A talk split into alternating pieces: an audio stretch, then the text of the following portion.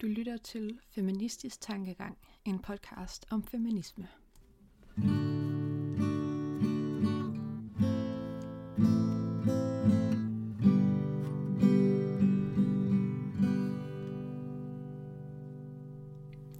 I dagens episode skal vi snakke om det famøse emne sexchikane og MeToo, øhm, som jo bestemt blev understreget, da Sofie Linde tog emnet op, da hun var vært på Zulu Awards.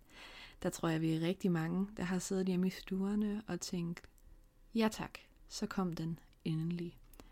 Og siden er hun jo blevet en feminisme goddess omkring i de feministiske forumer blandt kvinder, der står inden for feminismen. Og det er jo bare mega fedt, at hun gad at sætte fokus på det her og få alle til at overveje det ved at bruge så stort et forum, som Zulu Awards var. Øhm, vi skal snakke om, hvordan at når man debatterer sexchikane og MeToo, tit bliver mødt med, sexchikane er jo bare en misforstået fløt, du kan jo bare sige fra, Øh, kvinden gør det kun for opmærksomhed, og det går ud over manden, og det er faktisk generelt synd for mændene, når de skal navngives i de her sager, måske 20 år gamle sager. Igen kommer vi jo ind på, at det er en helt forkert samfundsmæssig struktur, vi har, når at mænd synes, at de skal have lov til at udnytte deres magtpositioner eller bare generelt udnytte kvinder seksuelt på markedspladser. Også bare, når man bliver råbt efter, eller en klam mand i en BMW kommer kørende op for siden af en, når man går på gaden. Det tror jeg, at der er mange kvinder, der har prøvet øh, noget i stilen af det. Bare generelt uønsket opmærksomhed, som aldrig egentlig er positivt. For hvis vi skal tage hele det der med, mm, det er jo bare fløte, det er jo bare, vi, vi giver dig bare komplimenter og sådan noget, øhm, så er det ikke sådan, at ja, der er mange, jeg tror, der er rigtig mange kvinder, der gerne ser, at vi finder en helt anden måde at flytte på. Altså, det er jo, det er jo helt umenneskeligt, når man skal gøres til et objekt, hver gang, at man skal lægges an på.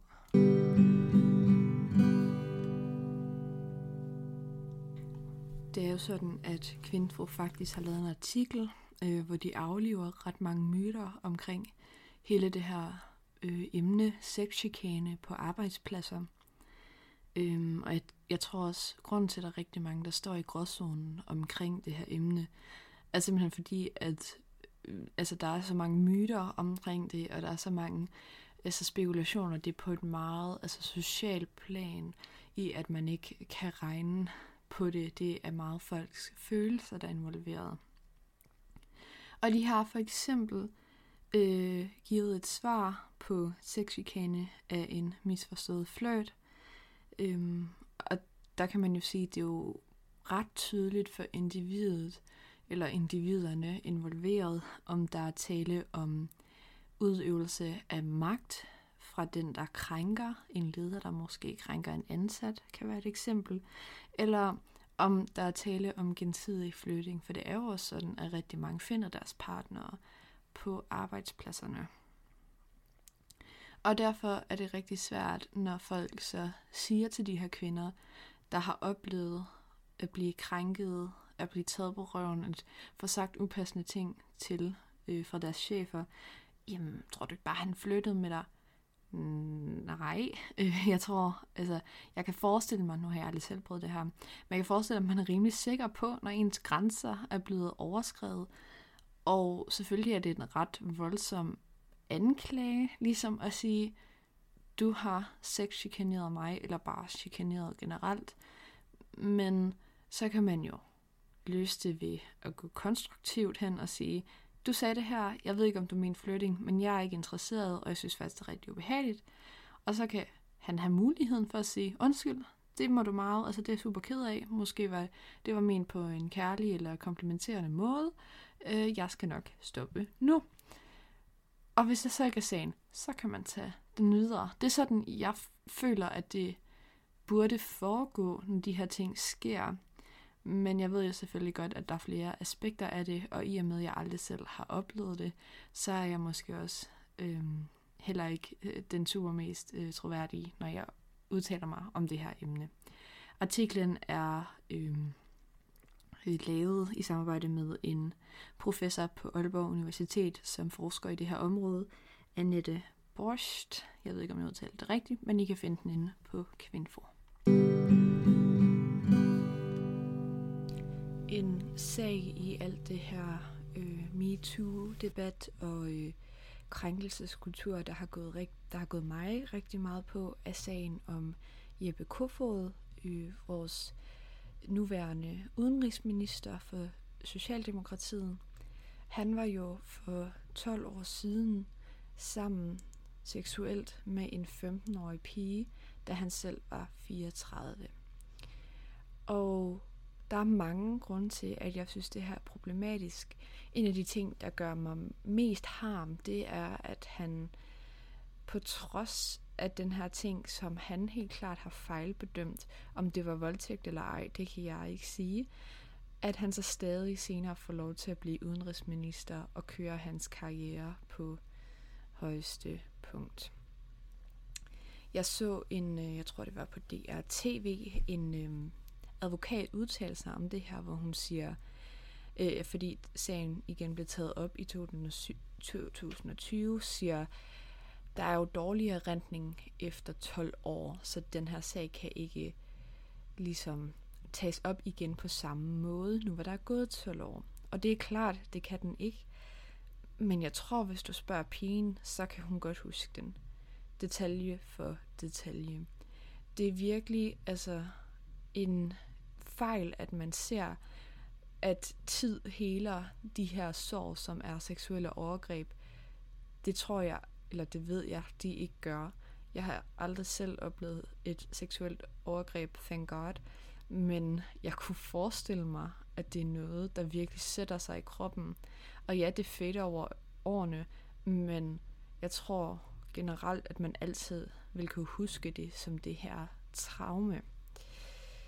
Og altså, sagen er ikke anmeldt som en voldtægt, men jeg synes, at han som 34-årig skulle have en bedre dømmekraft, hvis der var en 15-årig, der kom hen til ham og sagde, jeg vil gerne have sex med dig, fordi han, han siger jo, at det var også hende, der initierede det. Så jeg synes, det siger meget om vores udenrigsministers dømmekræfter. Og nu er det ikke en bashing af Jeppe Kofod. Øhm, så vidt vi ved, har han jo kun gjort det her én gang. Øhm, og jeg ved godt, nu bliver det rigtig pugelgå opslag, og øh, lad os sige tak til mændene for bare en lille smule decent behavior. Men jeg sætter ham for eksempel ikke som samme status som Frank Jensen, eller ja, ham der overborgmesteren i København, som var nødt til at gå i efter tre årtiers krænkelse af kvinder. Han har jo ja, formodentlig kun gjort det her en gang, og har forhåbentlig lært af det, han har gjort. Han har været ude at sige til medierne, at han, han ja, undskylder rigtig meget for den her sag. Det gør de alle sammen, når de sådan nogle sager kommer op, så jeg ved ikke lige, hvor meget man kan tyde for det. Men det skal man også bare tage i perspektiv. Jeg ved ikke, om jeg var den eneste, der her for en lille uges tid siden læste, at, øh, eller det har nok været længere tid siden, jeg ved det ikke lige, læst, at der, øh, der er flere og flere kvinder, der søger ind i stillinger i forsvaret. Og jeg blev, blev glad selvfølgelig. Øh, et mandligt dominerende fag, hvor kvinder øh, kommer mere ind, må jo skabe mere diversitet og forståelse mellem kønnene. Øh, så ja, det blev jeg rigtig glad for. Men så her i dag, der læste jeg øh, en artikel fra Berlingske om en øh, konstabelelev, der havde anmeldt sin oversergeant for voldtægt. Han havde slået hende under samlejet, påtvunget det her samleje selvfølgelig, og øh, ja, slået hende og tvunget hende til at give ham oral sex. Han fik samme bøde som en, øh, der havde slået en pige i røven, eller der generelt, hvis man slår en pige i røven derinde, og hun tager det som krænkelse, så får man en bøde på 2.000 kroner. Det var den samme bøde, som han fik for at have voldtaget den her pige. Og sagen blev behandlet som en voldtægt, fordi hun havde ikke sagt nej. Det her var før den nye samtykkelov i 2020. Det var øh, det, jeg skrev i artiklen, at de begge to havde drukket tæt om aftenen, og hun var ikke i nogen stand til at sige nej, men hun var heller ikke i nogen stand til at sige ja. Og så lød det for ham, at han aldrig havde fået et stop, så synes han åbenbart, at han bare kunne blive ved med at øh, påtvinge samleje, altså voldtægt, og slå hende imens. Han betalte den her bøde og fortsatte sin karriere i forsvaret. Hun lå tre dage i sengen med PTSD og kunne fysisk, fysisk ikke røre sig ud af flækken, indtil hun så blev sygemeldt, fordi at hun aldrig kom ud af sit værelse. Og det gør mig så rasende. For det første, jeg blev følelsesladt, jeg fik empati med den her pige, men det gjorde mig så rasende, at en mand kan betale en bøde på 2.000 kroner og fortsætte sin karriere, som om intet skete. Og den her sag blev jo som sagt ikke behandlet som en voldtægt, hvilket jeg generelt synes, den skulle gøre, og jeg håber da også, at hvis den havde foregået i 2020 med den nye samtykkelov, så vil den være behandlet som en voldtægt, men der gælder, åben, der gælder åbenbart andre regler end i militæret. Jeg læste også en artikel, som, øh, som viste, at anklager øh, af krænkelse og overgreb i forsvaret, de bliver flere hen ad årene. Og jeg tror som sådan ikke, at der er blevet flere. Jeg tror bare, at med hele det her MeToo har kvinder fundet ud af, at de faktisk godt må sige noget, når de føler sig krænket. De faktisk godt må anmelde, når de bliver voldtaget, uden at være bange for, at deres øh, overordnede ødelægger deres karriere. Fordi en anden ting, som den her artikel også sagde, var, at han bare beordrede hende til at holde kæft og gøre, som han sagde. En ting, der gør mig så rasende.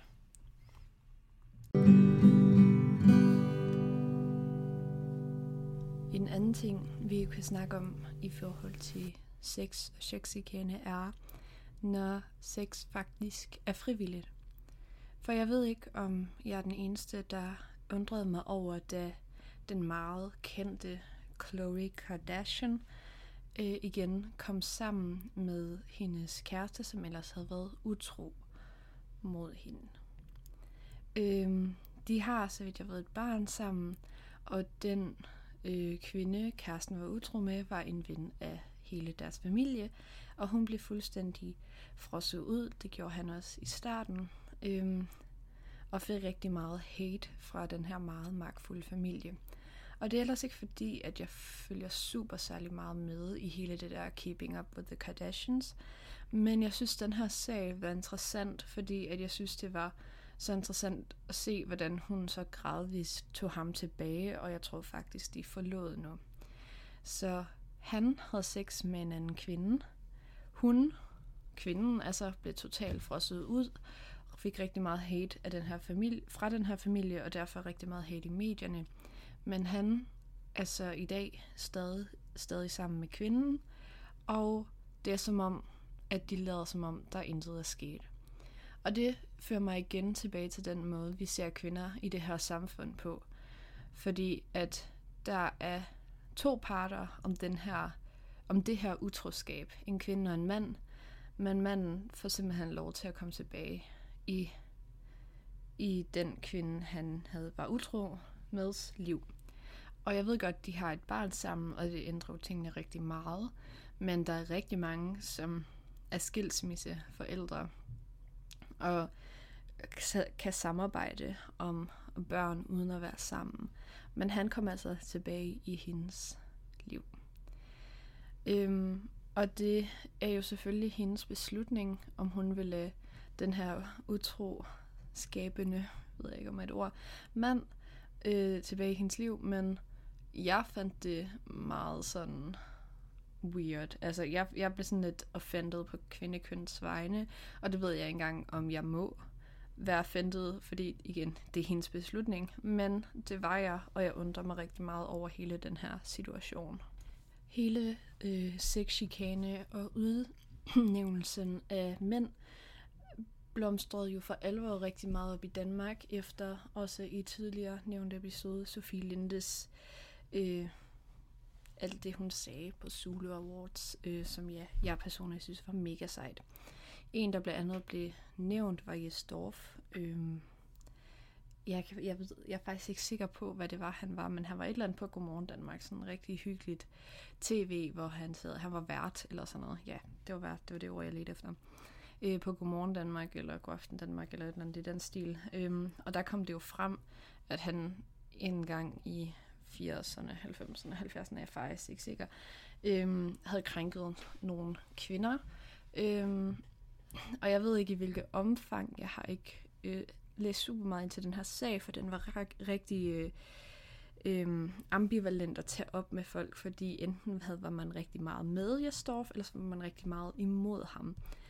Og jeg er jo feminist, så jeg er jo øh, som udgangspunkt modstander mod alle, der synes, det er okay at se kvindekroppen som et objekt, og som noget, man bare ja, kan tage på, eller se på, eller behandle, som man vil, og, man, og at man glemmer, at der er et individ bag den her krop. Men det, jeg også især har haft mange diskussioner med min mor om, det er, hvor langt skal man gå tilbage, når man kigger på krænkelsesager.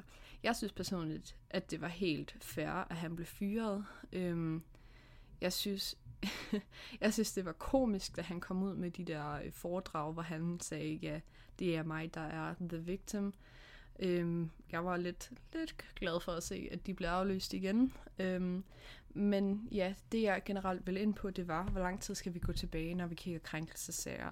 Fordi at jeg tror da ikke, at jeg personligt gerne vil have nogen til at kigge på, hvad jeg sagde i 2010. Øhm, og hænge mig op på det, og jeg tror som sådan heller ikke, at Storff var særlig glad for, at nogen hængte ham op på, hvad han gjorde i 70'erne. Og let's be real, 70'erne var en anden tid. Det er den tid, vi prøver at bevæge os væk fra. Så alt det, der sker i dag, skal ske efter den her nye samfundsstruktur, som feministerne sætter ind og siger, at vi vil simpelthen også behandles som mennesker. Og det synes jeg er helt fair. Øhm, men fuldstændig at shame ham ned, altså nu ved jeg ikke, om noget af det her er sket, men altså at skrive privat hadebeskeder til ham, og være sådan, du er bare sådan en klam mand, og sådan noget ting. Sådan noget synes jeg ikke er okay, fordi jeg tror sådan set heller ikke, at du vil synes, det var særlig fedt, hvis du blev hængt op på noget, du gjorde eller sagde for 30 år siden. Og på, jeg vil understrege på ingen måde, at jeg synes, det her det er okay. Det er så... Øh, mega grænseoverskridende, det han har gjort, og det er derfor, jeg siger, at det er okay, at han bliver fyret, det er okay, at han ikke skal have det der foredrag, og det er okay, at vi så ikke lige ser så meget til ham i medierne, og han ikke har sådan en højtstående stilling. Men tænk over, hvor langt vi kigger tilbage, og hvor meget vi udskammer, for det er noget, der kan ødelægge menneskers liv rigtig hårdt. Generelt er det bare rigtig vigtigt at behandle folk ordentligt, også dem, du nødvendigvis ikke deler mening med. Øh, sådan er det også på medierne, på Facebook.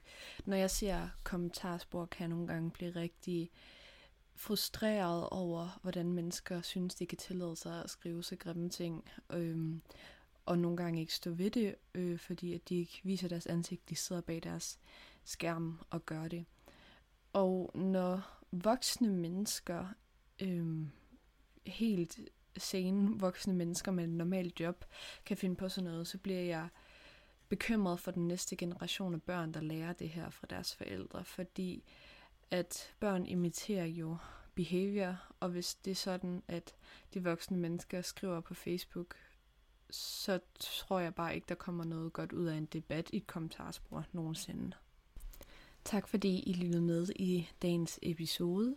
Øh, hvis I har noget at sætte finger på, kan I gå ind og skrive til min Instagram, Feministisk Tankegang ud i et, og ellers følg og like, hvis I godt kunne lide, eller generelt godt kan lide det content, jeg kommer med. Tusind tak for at høre med.